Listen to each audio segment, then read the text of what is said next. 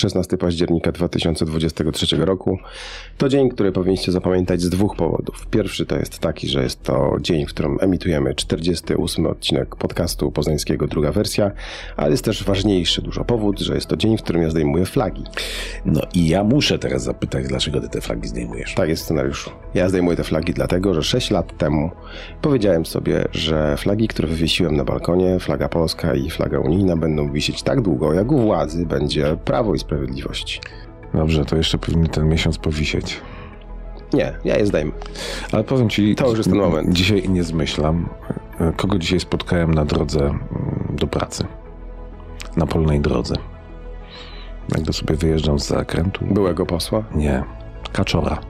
O, Kaczora, samca krzyżówki, takiego zagubionego. No, szedł sobie. szedł sobie, nie wiedział dokąd idzie. gdzieś. Po tym, po tym suchym, bo nie miał już gdzie pływać. Tak sobie szedł. I nie wiem, czy ja sobie nie dopisuję, ale znamienne. Nie dopisujesz sobie. Ty widzisz kaczory, ja zdejmuję flagi, to jest ten moment. W Swo- swoją drogą to, e, to teraz zdejmować flagi, teraz właśnie ulica powinna być ich pełne. No. Tak, będą pełne, ja będę wieszać tak jak robiłem to zawsze, czyli w, w święta narodowe. Wisiały y, i to jest symbol tego, że PiS straci w Polsce władzę.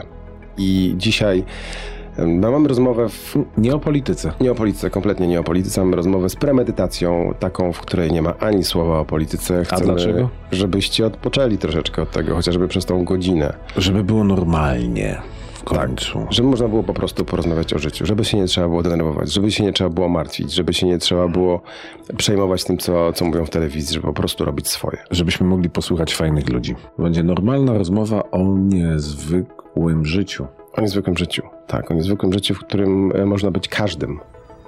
Ej, dobra, już podprowadziliśmy. Dżingiel? Dzięki.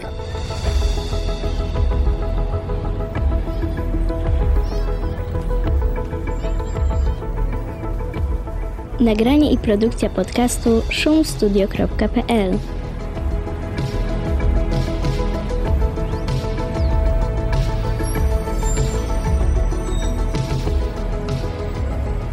Michał, z kim rozmawiałeś?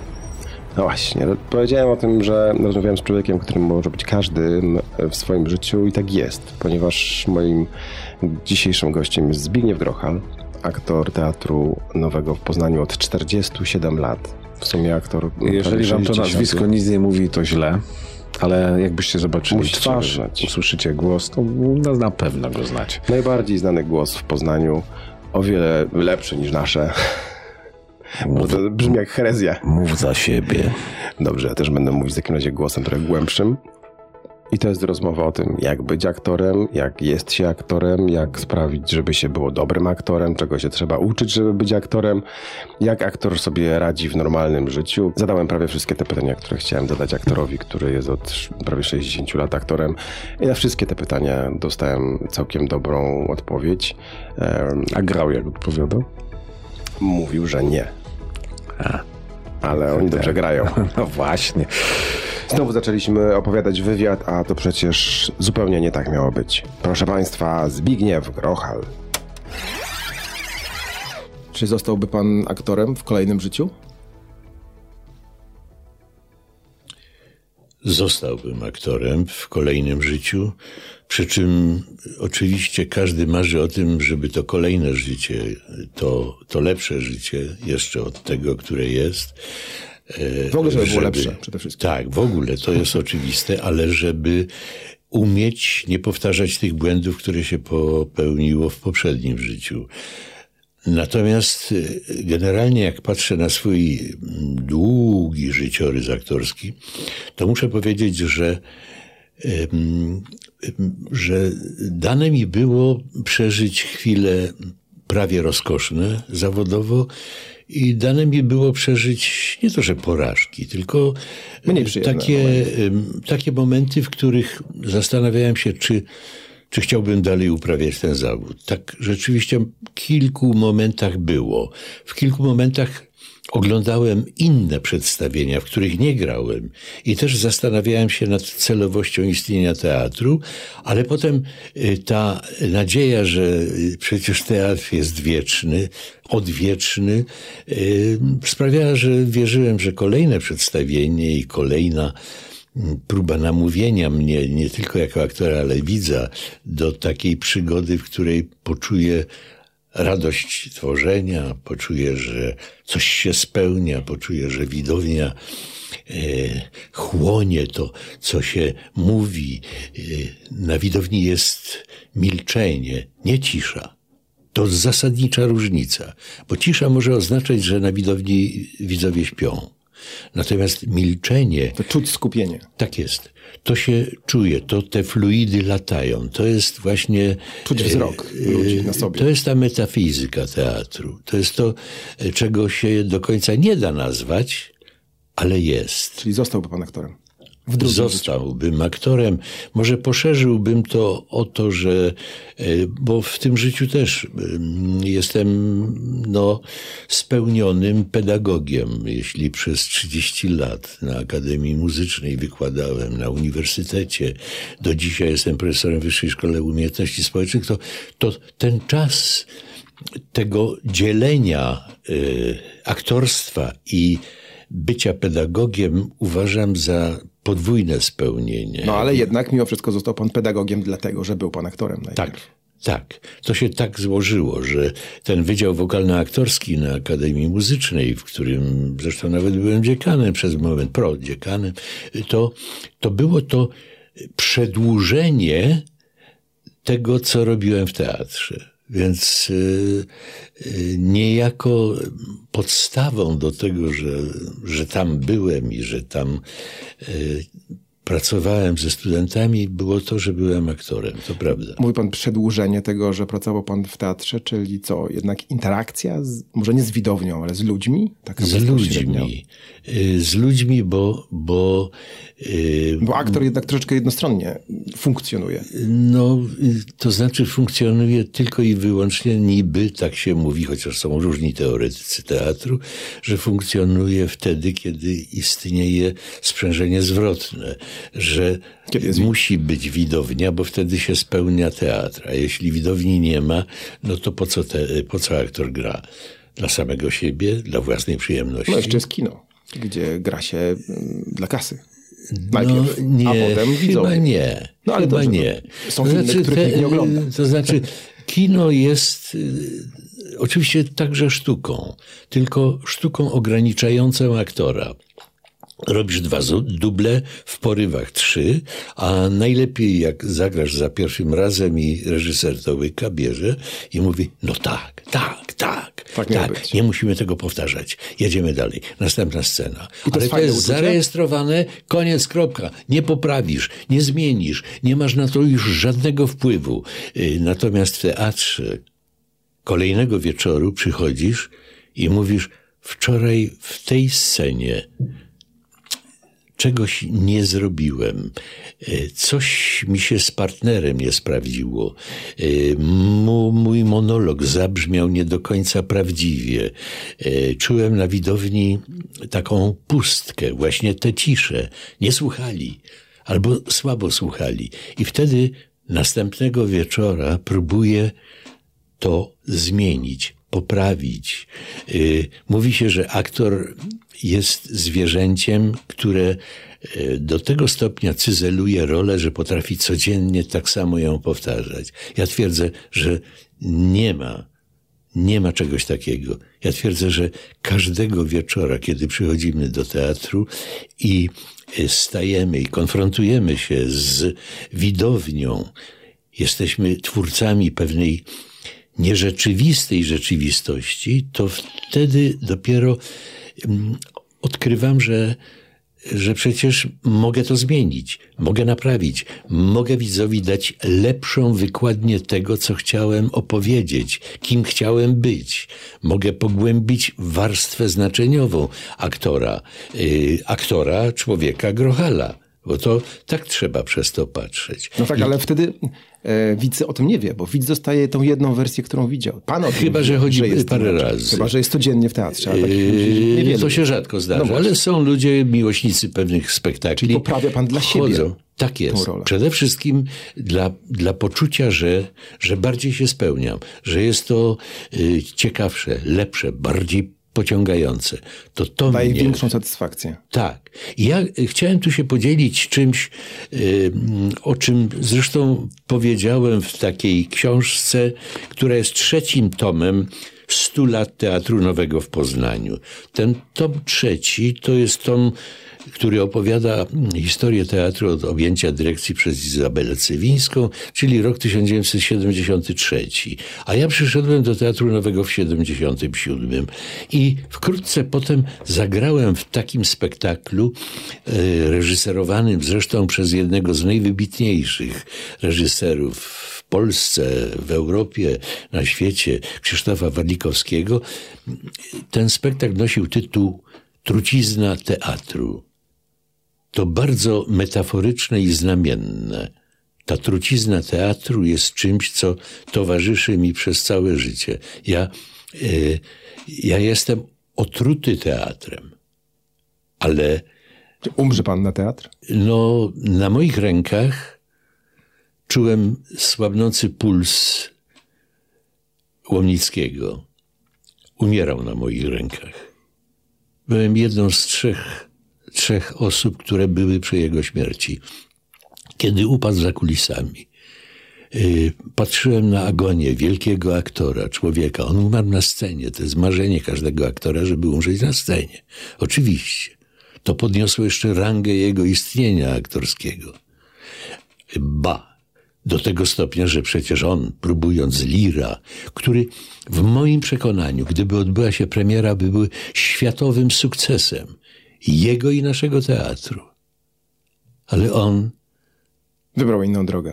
tak jest, wziął i umarł. Yy, Wybiegł w kulisę ze słowami szekspirowskimi, a więc jakieś życie yy, jest przede mną. Biegnijmy, pędźmy, łapmy je, yy, prawda? I złapał kostuchę. Straszne. Potem pamiętam, że jeden bezczelny dziennikarz mówi, a pan opowie, jak to umierał ten Łomnicki, co? Pan tam był przy tej śmierci. Ja mówię, proszę pana, pan powinien natychmiast przestać uprawiać ten zawód. Pan jest bydlęciem, a nie dziennikarzem. Coś strasznego. Żerowanie na wszystkim. Niby tak się mówi, że dziennikarz też ma wpisany Taki w życiorys taki zawód. Ale to y, zabrzmiało straszne. Ja pozwolę sobie coś zacytować. W truciźnie teatru nagle bez reszty otworzyłem siebie. Najgłębsze zakamarki swojej osobowości, swojego ja. Uzewnętrzniłem się.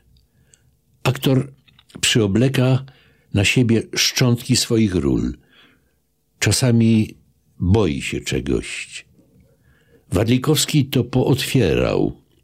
Znalazł mały kanalik i zaczął otwierać coraz bardziej i bardziej, aż w którymś momencie myśmy poczuli, razem z Warlikowskim, bo to była sztuka dwuosobowa, że jesteśmy w szale tworzenia pewnej teatralnej fikcji, która jest prawdą sceniczną. Co to jest prawda sceniczna? To taka prawda, co ma swoje przełożenie na życie. Ja nie zawsze wierzyłem, że my wstaniemy na końcu i będziemy się kłaniać. Czasami wydawało mi się, że doprowadzamy do jego śmierci. Doprowadzam ja, o, obaj doprowadzamy się do jego śmierci, do mojej śmierci i już się nie obudzimy.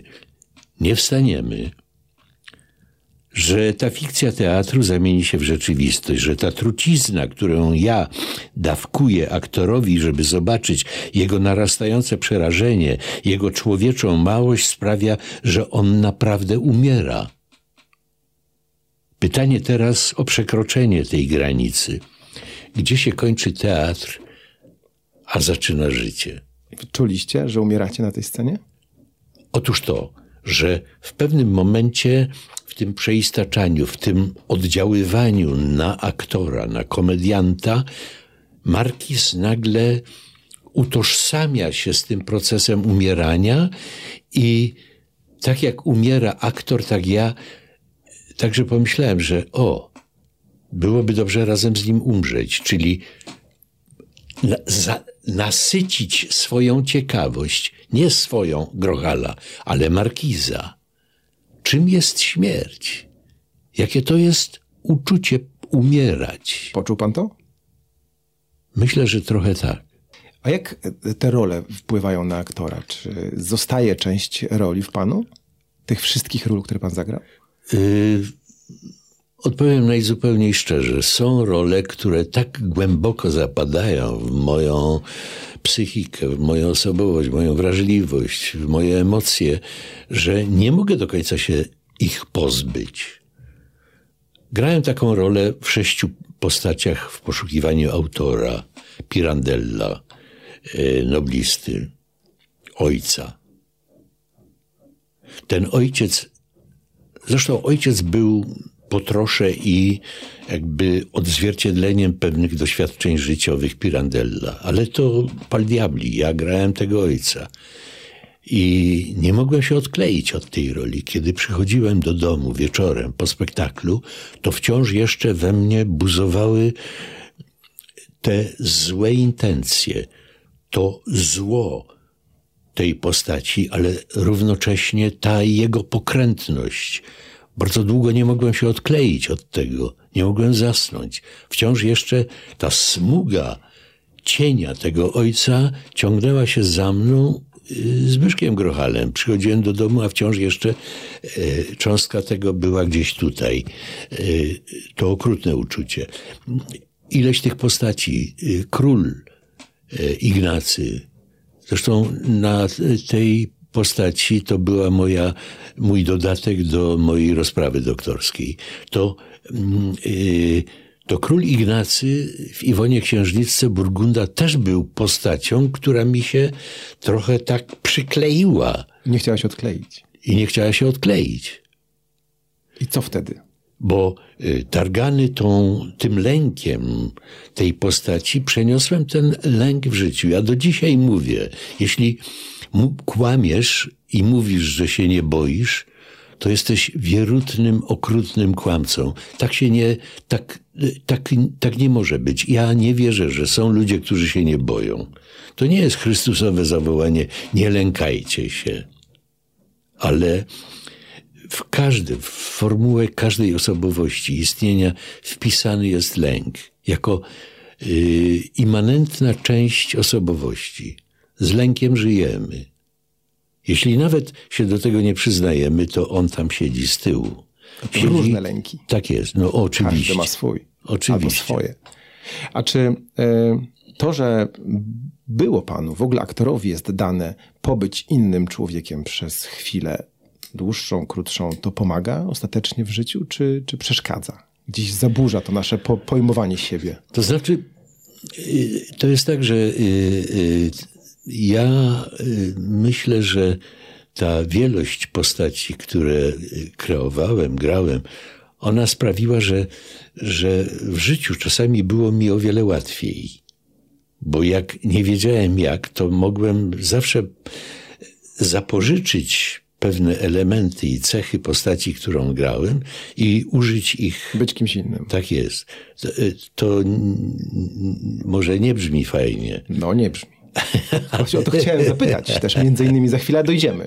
Ale jak pan no. się dobrze czuł, rozumiem, że pan to wykorzystywał w do, do dobrych Czasami celów. wykorzystywałem, tak, tak, świadomie. A tu zagram coś, a tutaj yy, to moja żona bardzo celnie mówi, Zbyszek, nie graj. Ale właśnie zastanawiam się, y, y, jak rozgryźć aktora i czy to się dobrze w ogóle żyje z aktorem, który w każdej chwili może być zupełnie inną osobą niż jest. Tego pan nie wie. To, tego, to znaczy, to ja już wiem, bo, bo, bo y, jesteśmy małżeństwem dużo lat i moja żona jest bacznym obserwatorem. Ona jest z wykształcenia pedagogiem, widzi więcej. I opowiada i, panu. I czasami mi mówi, uważaj. Stop.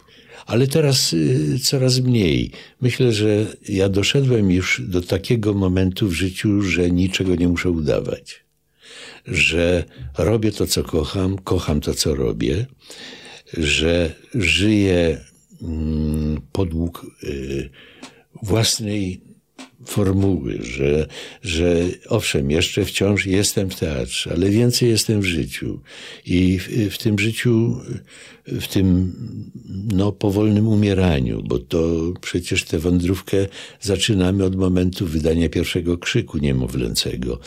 E, rozpoczynamy ścieżkę do odejścia. To ja mam takie poczucie, że już y, jako aktor się spełniłem, chociaż nie do końca, bo wciąż jeszcze marzę o tym, żeby coś jeszcze zagrać, żeby znowu jako aktor, jako człowiek przemienić się w innego i tym innym być na scenie i mieć z tego powodu radość. To jest uzależniająca trucizna, taka bez której nie można żyć. To się nazywa tak potocznie, zwyczajnie, że ktoś połyka bakcyla teatru. Tak się mówi o teatromanach, którzy chodzą do teatru, a to jest niewielka grupa ludzi. Do teatru chodzi bardzo mało ludzi. No ale biletów nie tak łatwo znaleźć To prawda. polskiego przez cały Tak, czas. tak.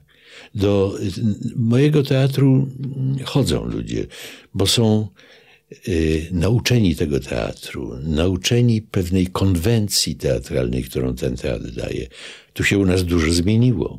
Każdy kolejny dyrektor zmieniał formułę, zmieniał mm, poczucie y, z jednej strony estetyki, z drugiej strony języka teatru. To jest tak jak z selekcjonerem w drużynie, że on zmienia koncepcję Myślę, że tak.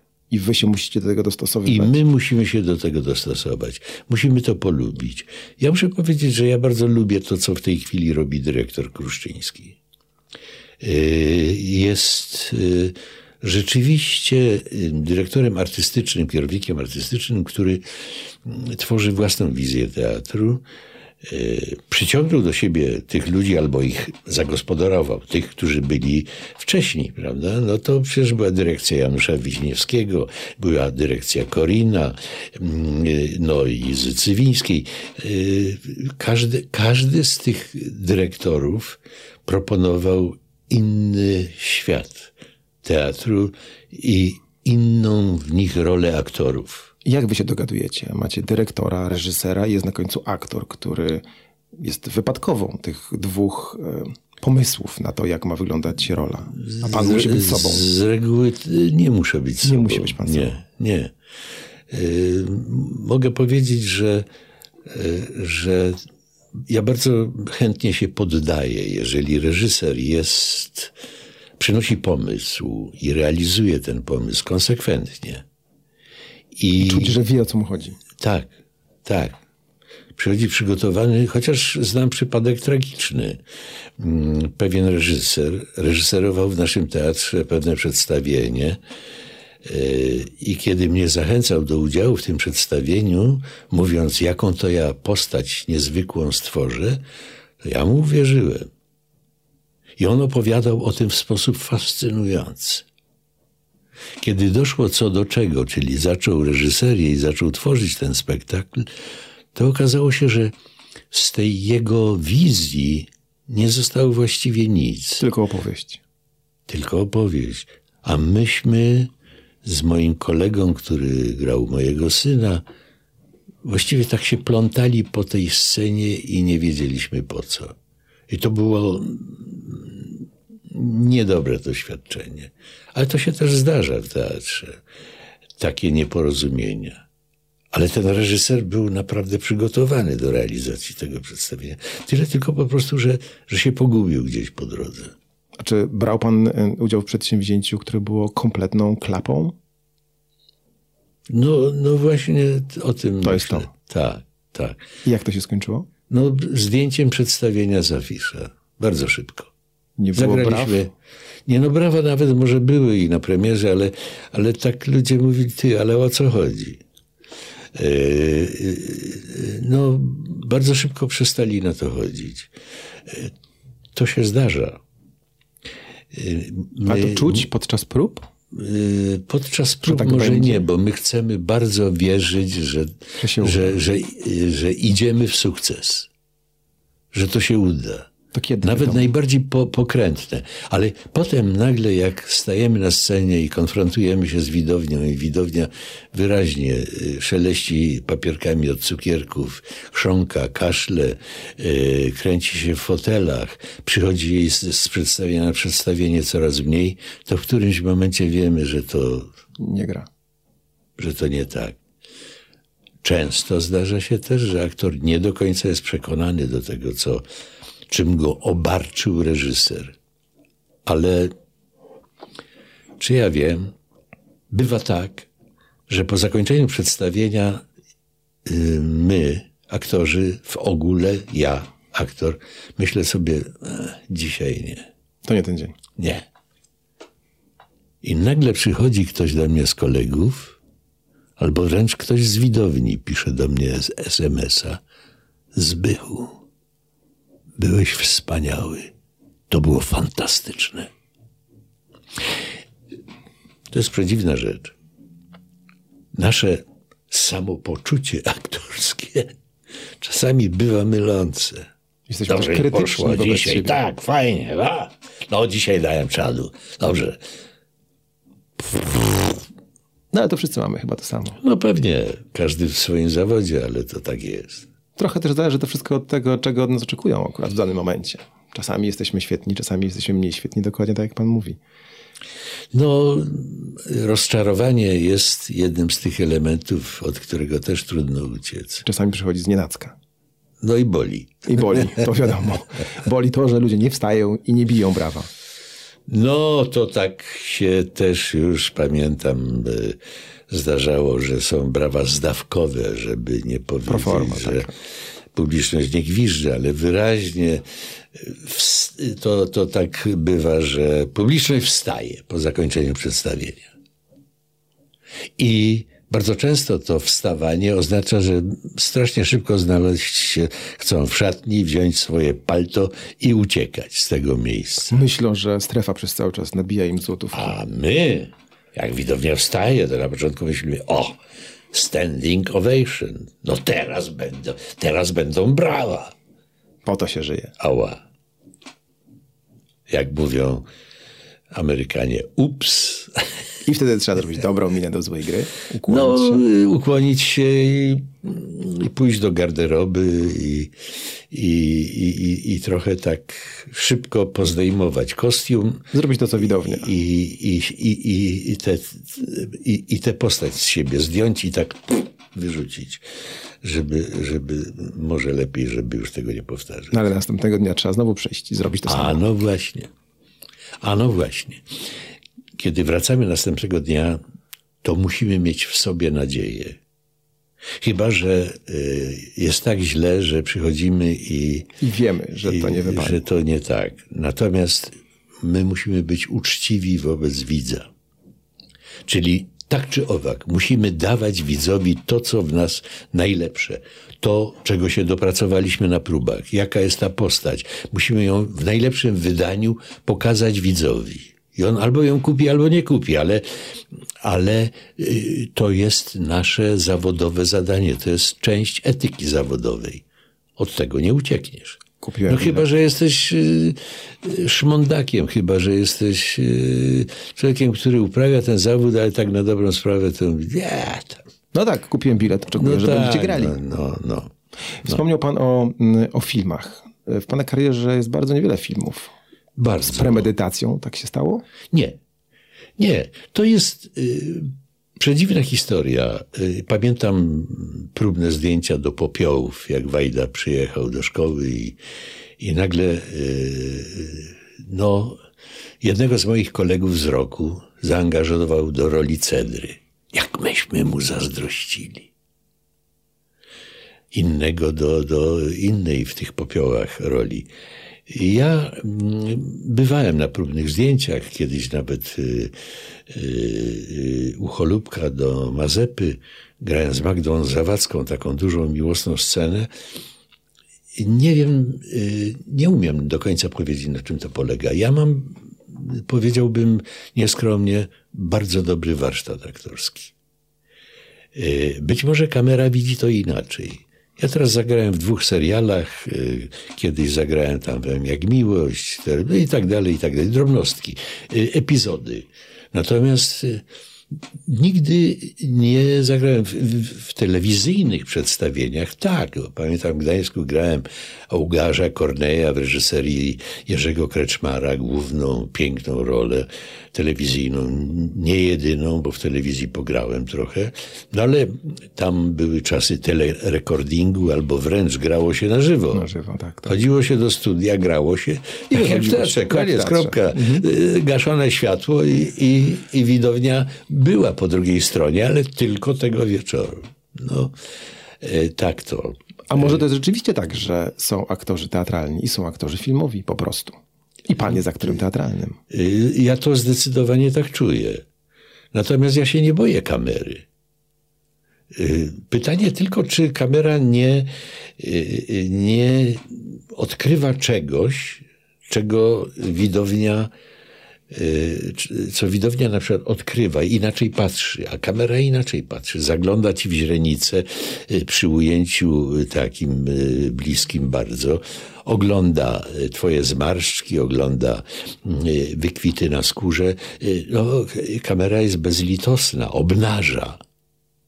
W teatrze mogę, bo w filmie też robisz charakteryzację, ale w teatrze mogę, y, mogę położyć na twarz podkład, szminkę, zrobić charakteryzację I tego nie widać. i wtedy naprawdę. pewnych rzeczy fizjologicznych nie widać. Natomiast y, kamera odkrywa y, bardzo często taką fizjologię. To, czego nie powinno odkryć. No, czasami to jest tak, że w filmie ja oglądam dużo kina i, i, i oglądam filmy i patrzę na aktorów przede wszystkim amerykańskich. Dużo teraz się ogląda seriali. E, Patrzę na absolutną doskonałość tych aktorów. To zazdrość mnie bierze, że oni przed kamerą zachowują się fenomenalnie. Czyli słyszę w pana głosie taki lekki zawód, że jednak e, film nie wypalił.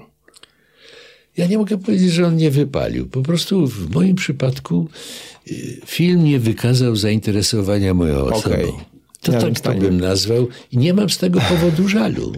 To jest tak, że, że pewnie dzisiaj, jak jest coś do zagrania w filmie, w serialu, to ja to umiem zagrać. I cieszy się pan? Cieszę się. Cieszy tak, się pan na rolę? Tak. Ja bym teraz zagrałem w dwóch takich dziwnych serialach Dziadunia. Nagle sobie uświadomiłem, że ja rzeczywiście jestem dziadkiem. Mam wnuczkę 3,5 e, letnią, e, bez mała i, i po raz pierwszy w życiu jestem prawdziwym dziadkiem. I nagle poproszono mnie, żebym zagrał Dziadunia. E, Uzmysłowiłem sobie, że, że czas nie stoi w miejscu. A grał pan wcześniej przed wnuczką dziadka? Nie. Nie grał. pan. Nie, ma pan porównania między rzeczywistością a aktorstwem. Nie, nie przypominam sobie, żebym grał dziadka. Czy w tej chwili jest taki reżyser, y, który jakby do pana zadzwonił, rzuciłby pan wszystko i pojechał na plan, niezależnie od tego, co by się działo? W Polsce, na świecie?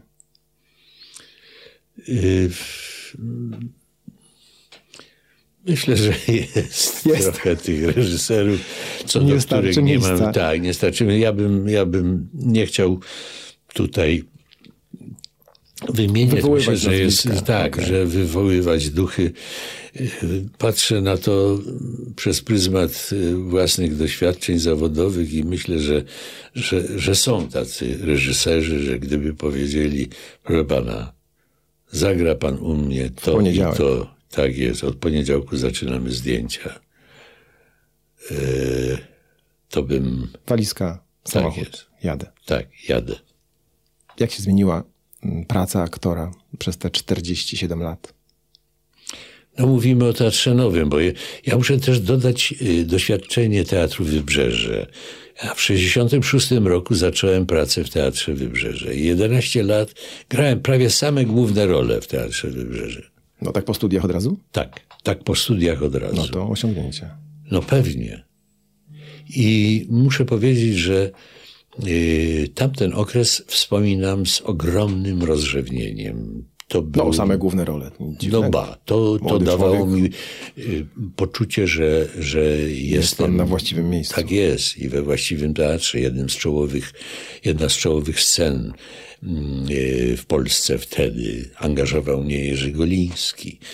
A potem y, no, byli inni dyrektorzy, No właśnie, ma pan tych dyrektorów w kolekcji mnóstwo. mnóstwo. Wrócę do pytania. Co się zmieniło przez te 50 lat? Zmieniły się środki aktorskie, zmieniła się prawda sceniczna, zmieniły się inscenizacje, zmienił się sposób grania. Y, Ja y, y, inaczej i innymi środkami dzisiaj, wchodząc na scenę i grając na przykład wierszynina w siostrach, to postać, y, którą mi powierzył, niezwykle skomplikowana u Czechowa i także w tej adaptacji Krusz, y, Kruszczyńskiego. Mm, y, Ja jestem dumny z tej postaci i wiem, bo do tego mnie namawiał także dyrektor, reżyser. Mówi, panie Zbyszku, niech pan stosuje bardzo oszczędne środki. Ma pan tu mikroport, może pan z głosem zejść do minimum. Można szeptać. Tak, można szeptać, można, widownia słyszy. Bo muszę powiedzieć, że z drugiej strony mnie jest ogromnie miło, kiedy ludzie przychodzą do teatru i mówią tak, po spektaklu, mówią, Zbyszek, ciebie rozumiem. Zawsze ciebie słyszę. Ale z innymi to mam kłopot No, zamazują dźwiękowcy, słowo. dźwiękowcy pana no to lubią. Jest to taka, taki kamyczek do naszego ogródka wrzucony. Ja uważam, że słowo ma niezwykłą wartość kreatywną i powinno tę rolę odgrywać w teatrze zawsze. Ale ja wiem, że dzisiaj nie samym słowem karmi się widownię i trzeba do tego dodać oszczędne środki. Kiedyś graliśmy I ja te czasy pamiętam. Graliśmy na ogromnym diapazonie, graliśmy z ogromną ekspresją, szeroko, e, głosem. E, Dzisiaj rzadko się do takich środków odwołujemy, chociaż emocja w teatrze jest pożądana w dalszym ciągu. Trochę Ekspresja jest pożądana, tyle że trochę inaczej. Język teatru jest inny i trzeba się tego e, nauczyć. Nie wszyscy aktorzy umieją się przestawić z tamtego czasu w dzisiejszych czas. Jeśli ja liczę 57 lat obecności w teatrze, to na przestrzeni tych lat język teatru, środki aktorskie, konwencje, to wszystko się szalenie zmieniło. Więc y, ja się dobrze? też musiałem. To dobrze. Musiałem się tego pouczyć trochę. Musiałem się temu poddać. Uczyli pana reżyserzy, dyrektorzy? Nie. Y, Przyjeżdżali na przykład y, ludzie od ruchu scenicznego, choreografowie. I nagle robili z nami ćwiczenia na ciało, na, na, y, na bliskość, na no, dziwne, dziwne ćwiczenia. Młodzi ludzie, pewno. Tak, żeby się oswajać, żeby poczuć ciało drugiego aktora. Myśmy takie doświadczenie mieli w dwunastu gniewnych ludziach. I to spektakl, który cieszył się ogromnym powodzeniem. I tam właśnie uczyliśmy się innego języka. Ja dobrze się z tym czuję, że to tak. Pamiętam Sergio Majfrediego, takiego reżysera włoskiego, który pa- parę sztuk nas zrobił. No i grałem między innymi właśnie w Pirandellu, ale grałem w Białym Szejku, grałem y, w Oszuście. y, I muszę powiedzieć, że on też operował, mimo że no, były to trudniejsze doświadczenia teatralnie, bo on mówił po, po włosku i po angielsku, a my chcieliśmy słyszeć, co on ma nam do powiedzenia, więc czasami trzeba było tłumacza, żeby Trochę to trwało. żeby pewne niuanse psychologiczne zrozumieć. Ale on też tworzył inny rodzaj teatru. Dzisiaj jest taki reżyser, który ma swój własny język. Nazywa się Klata. On zrobił w naszym teatrze ponownie Czerwone Nosy, inaczej niż Eugeniusz Korin. Tamte bardzo lubiłem nosy. I tam do teatru na nosy przychodzili ludzie po kilka, kilkanaście razy. Teraz Klata zrobił inny zupełnie spektakl. O czym innym? Te czerwone nosy. Dotknął współczesności. Dotknął tego, co nas otacza i w czym żyjemy. I teraz zrobił Sen Nocy Letniej, kolejne przedstawienie. On ma swój własny język, swój klimat sceniczny, swoją ekspresję, swoje światła, swoje kostiumy. I wy musicie tym językiem mówić. I aktorzy muszą się dostosować do tego języka.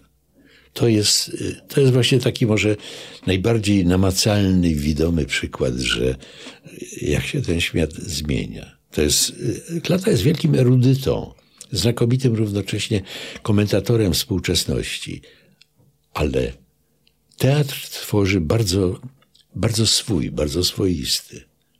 A myśli pan, że trzeba mieć wykształcenie aktorskie, żeby być aktorem? No, za pana czasów właściwie chyba nie było innej drogi. Trzeba było przejść przez szkołę Tak, bo, filmową czy bo, teatralną. bo, bo rzeczywiście obrona przed amatorami była bardzo silna.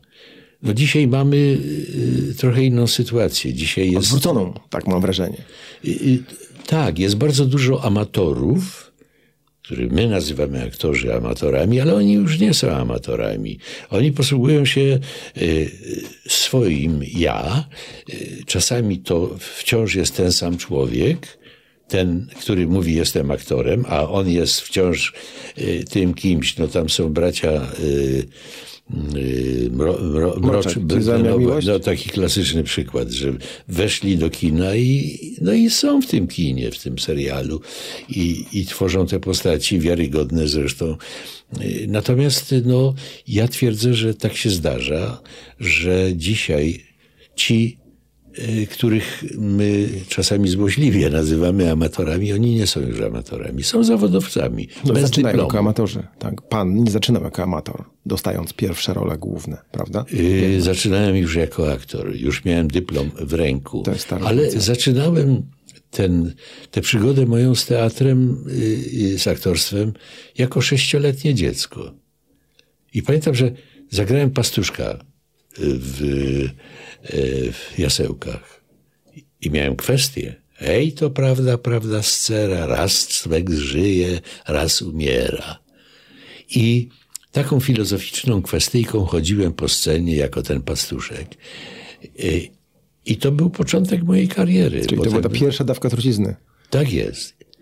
Mała pewnie, bo byłem małym chłopczykiem, ale Wystarczyło. ale wystarczyło. Potem w szkole podstawowej y, bawiłem się już w jakieś tam próby teatralne. Bawiłem się w szkole średniej. Grałem z Tereską Budzisz-Krzyżanowską w laleczce z saskiej porcelany. Y, brałem udział w konkursach recytatorskich, zresztą razem z nią. Wygrywaliśmy te konkursy. I Nie było żadnego przypadku. y, W tym, że to był aktorem. przypadek.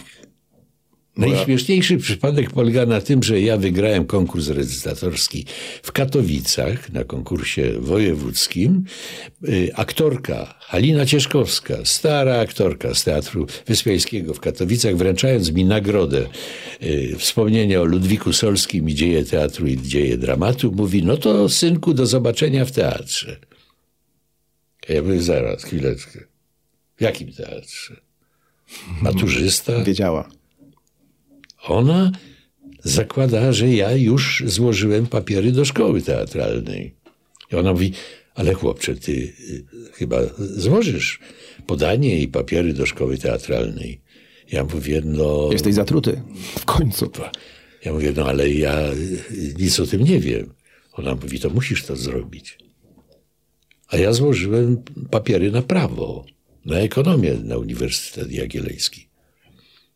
I, no i oczywiście pojechałem na egzamin Do szkoły do szkoły teatralnej, bo był w czerwcu, a egzaminy na uniwersytet były w lipcu.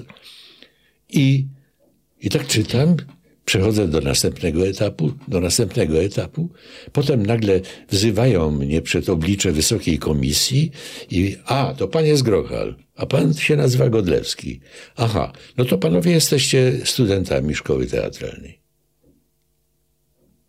I wtedy w tym pierwszym rzucie zdało nas z kilkuset ludzi, którzy tam zawsze zdają, zdało nas trzynaścioro. I to było zaskoczenie? I to było za, dla mnie zaskoczenie, mimo wszystko, bo ja właściwie z marszu. Oczywiście nauczyłem się tekstów, przygotowałem się, zagrałem scenki, które mi komisja dała do zagrania, ale nagle zobaczyłem, a tu jakiś człowiek, który się nazywa Jan Peszek, mój kolega, a tu Nowicki kolega, a tutaj Jan Nowicki kolega, a tutaj. I tak ten świat mnie zassał. Ja poczułem ogromną, jakby. Y, dla siebie rolę. Zostałem naznaczony, pomazany, zatruty teatrem już w pełnym tego słowa znaczeniu. Nie było drogi odwrotu. Już wtedy. Nie, i ja zresztą nie czułem takiej potrzeby. Ja myślałem, że no skoro tu jestem, to znaczy, że ja coś mam do opowiedzenia. Zobaczymy, ile to lat będzie trwało, ale, ale e, tak to poszło. No. Czyli to nie było takie proste jak teraz. Nagrać filmik na YouTube'a, wyrzucić i czekać na lajki. No, y, y, to tak się dzisiaj robi. Ja staram się unikać tego i jak mnie prosi mój przyjaciel, który pisze wiersze, żeby nagrać to i, i może właśnie w ten sposób y, opublikować, zobaczyć, tak, co się wydarzy. zobaczyć reakcje i tak dalej, no to, no to wtedy ja się daję namówić i patrzę, co się dzieje. Tak nagrałem dezyderatę, która krąży po Polsce w formie dźwiękowej. I, I muszę powiedzieć, że bardzo wielu ludzi y, rozpoznaje mój głos, chociaż tam na końcu jest, czyta Zbigniew Gruchal, czy mówi Zbigniew Gruchal. Ale y, to y, dało mi takie poczucie, że, że istnieje również w tym świecie, który teraz zakorzenił się i zawłaszczył naszą wyobraźnią i naszą wrażliwością i naszym życiem codziennym, że bez tego już właściwie ludzie prawie nie funkcjonują. Ja patrzę y, na świat przez pryzmat jednak tego, że dwoje młodych ludzi siedzi naprzeciwko siebie, ona i on, mają przed sobą y, smartfony i piszą. Relacjonują spotkanie. I oni piszą do siebie, siedząc w tej odległości. I potem nagle patrzą na siebie, uśmiechają się i mówią: No, Polubiłeś to, co napisałem. Tak jest. Dałeś mi lajka, albo nie dałeś mi lajka. I wtedy jest obraza. yy, yy, to okropne. Ale z drugiej strony to też tak jest, że żyjemy w świecie, kiedy wszyscy jesteśmy trochę aktorami. Nagrywanie tych filmików to tworzy kolejne, może nie generacje, ale fale aktorów, którzy wchodzą na TikToka, na, na YouTube'a. To są wszystko ludzie, którzy w jakiś sposób występują. No, występują, ale pewnie brakuje im warsztatu. A, no w związku tak. z czym idą A po. to nie wiem, czy to nie jest zaleta przypadkowo właśnie Yy, no, w dzisiejszych czasach. Z drugiej strony może i tak, że oni są wiarygodni, prawdziwi, bo oni są. Oni są ci. Albo takie wrażenie sprawiają. E, pewnie czasami e, tak. Mnóstwo cele, celebrytów udaje kogoś innego niż jest w rzeczywistości. Ale to nie jest jeszcze aktorstwo. No na pewno nie. Ale mimo wszystko oni panują nad umysłami młodych ludzi, którzy potem może w teatrze widzą co innego jednak. No, y, skłaniam się ku takiej opinii, chociaż y, tak jak mówię, nie mam, nie mam serca do tego. Dużo młodych ludzi przychodzi do teatru? Tak. Dużo. I, Tak to jest. I to jest pocieszające. Oczywiście nie mówimy o szkolnych przedstawieniach, że gramy pana Tadeusza, gramy wesele, ale wesele jest tak przewrotnie zrobione przez, przez yy, yy, reżysera Mikołaja Grabowskiego, że, że młodzi ludzie nie bardzo wiedzą, yy, co ten reżyser chciał przez to powiedzieć że to nie jest to wesele Wyspiańskiego yy, yy, jako lektura szkolna. Natomiast pan Tadeusz jest tak przewrotnie przez Grabowskiego zrobiony, że młodzi ludzie przychodząc do teatru i oglądając w ramach lektury szkolnej mówią, no nareszcie polubiłem Mickiewicza i zrozumiałem, że lektura może być atrakcyjna i zabawna.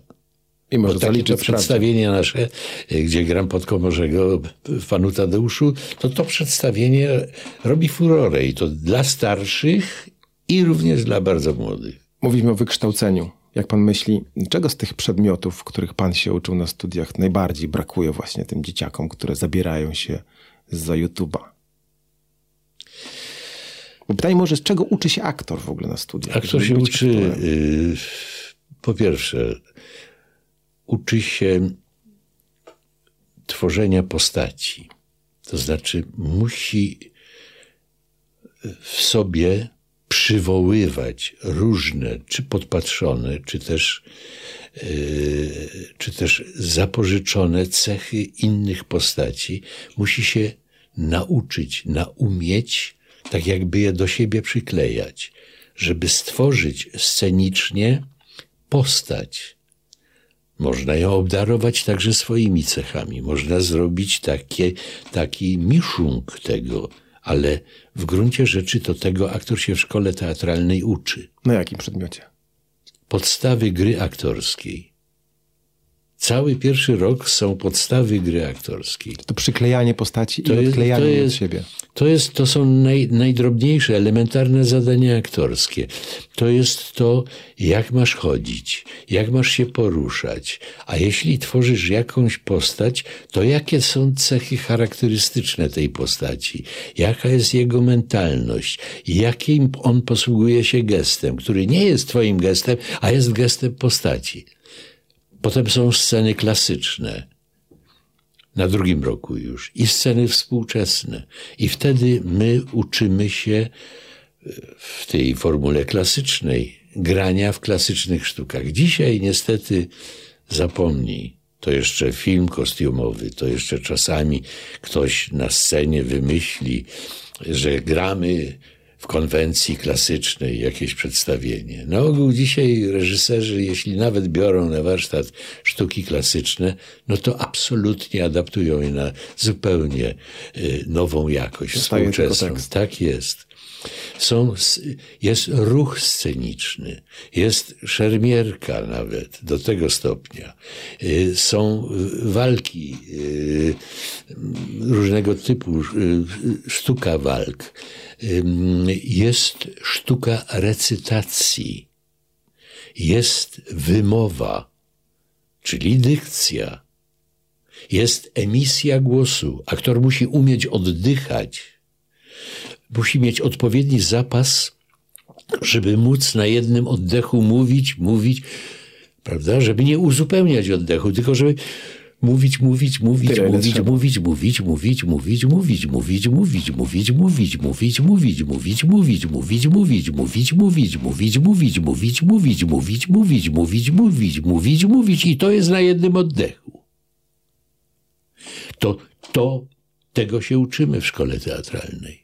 A ja dzisiaj ucząc yy, już jako pedagog, także nawet dziennikarzy uczę tego, żeby wiedzieli, jak oddychać, jak posługiwać się tym torem brzuszno-przeponowym, jak wydobywać głos, jaka, co to jest emisja głosu, co to jest impostacja, co to jest dźwięczność brzmienia Jest co robić.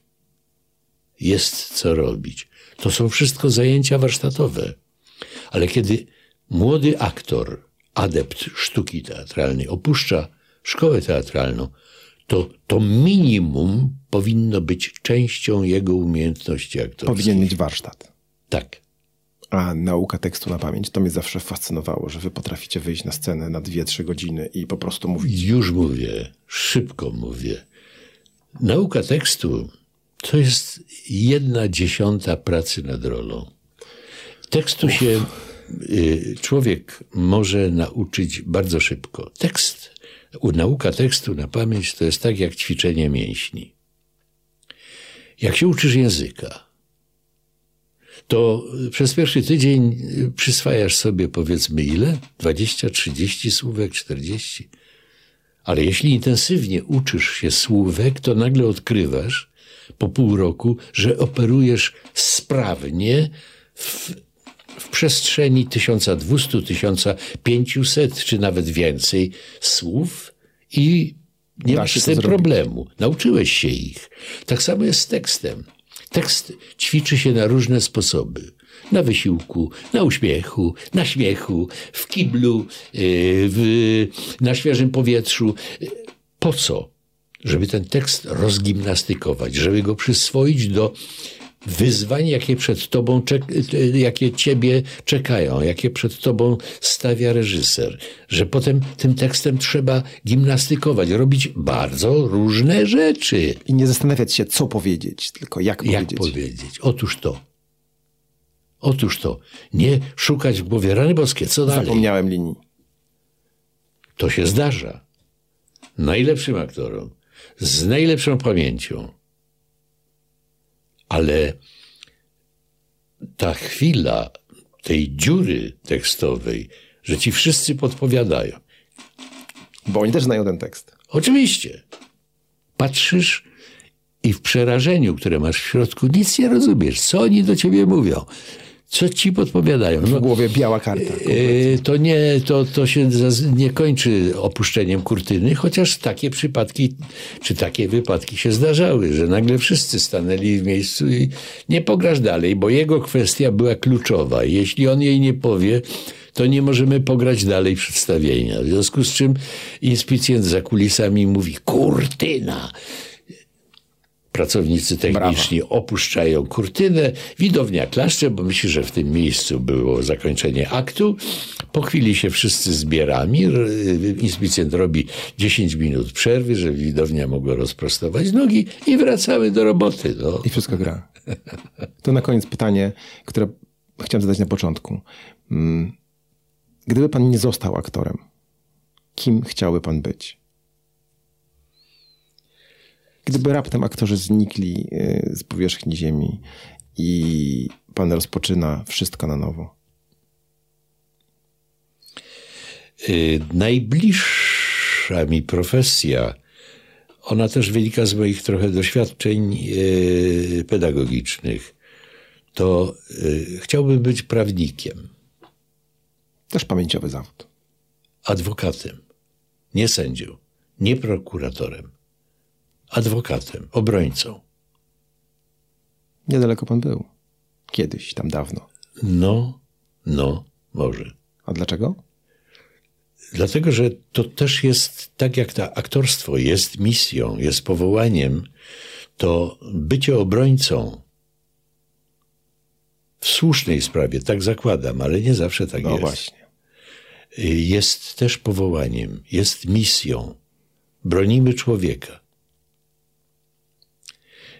Y, Myślę, że to dla mnie jest y, coś, co,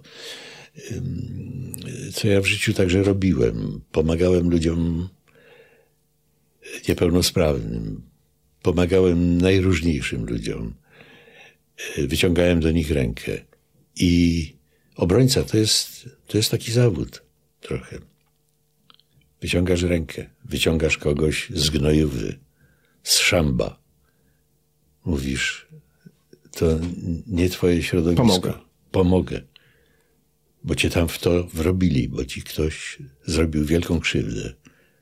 I ja stanę na straży tego i będę walczył do ostatniego słowa, żeby ciebie z tego wyciągnąć. Dać ci szansę na, na, na, na, na życie bez tych obciążeń, bez tego, co się przyklejone do ciebie bardzo często.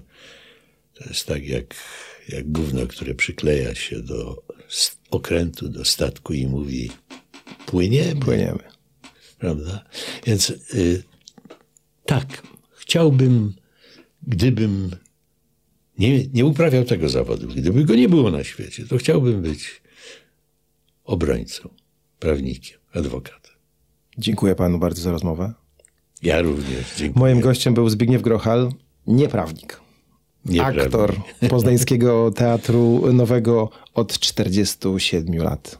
W tym I teatrze, dużo dłużej. A, w tym teatrze oczywiście. w nowym teatrze 47, a w ogóle w tym zawodzie 57 lat. Czyli za chwilę 60. jubileusz Mhm. w Teatrze Nowym. Tak. Nie znudził się panu Teatr Nowy Poznański. Nie, nie, nie, nie, nie, nie. Bardzo, bardzo nie wyobrażam sobie, że miałbym od jutra nigdy więcej nie stanąć na scenie. To dziękuję i oczywiście życzę mm, następnych ilu lat na scenie? No, Nie liczymy. Nie, nie powiem, że... Nie, nie liczymy. że, już. Dobra, okej, okej, okej. Wycofuję to pytanie. Dziękuję bardzo. Zbigniew Grochal. Możecie posłuchać go u nas, a zobaczyć pana Zbigniewa na scenach Teatru Nowego w Poznaniu. Dzięki. Również dziękuję.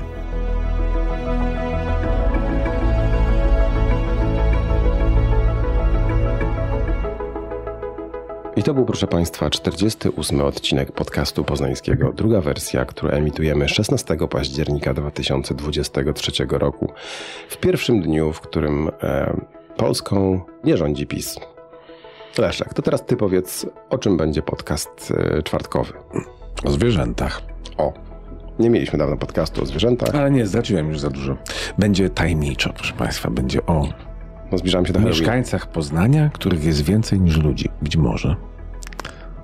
No, dawaj, dawaj. I będziemy rozmawiać o tym, czym się zajmują, z czym sobie radzą, dlaczego my sobie z nimi nie radzimy, e, dokąd potrafią się dostać, O sąsiadach. e, jak uprawiają seks i jak z nimi wygrać. Okej. Wystarczy? Ja już Zachęciłem? Ja się nie odzywam. Dobra, proszę Państwa. Mnie zachęciłeś. Powiem, że y, Że to będzie odcinek o mieszkańcach Poznania, którzy uprawiają seks. To tak, zrozumiałem. Wszyscy uprawiają seks, ale ci wyjątkowo skutecznie. E, więc proszę Państwa, nie będę nic więcej mówił. Powiem tylko tyle, że dawno żadna rozmowa nie dała mi tyle frajdy i nie była dla mnie tak zaskakująca. I to będzie 49 odcinek podcastu, druga wersja. Czyli zbliżamy się do pięćdziesiątki. No, No. zbliżam się do 50, a 50 za tydzień w poniedziałek. Amen. Dziękujemy za uwagę. Mówił Leszek Waligura. I Michał Czajka. Do zobaczenia i usłyszenia. Do usłyszenia.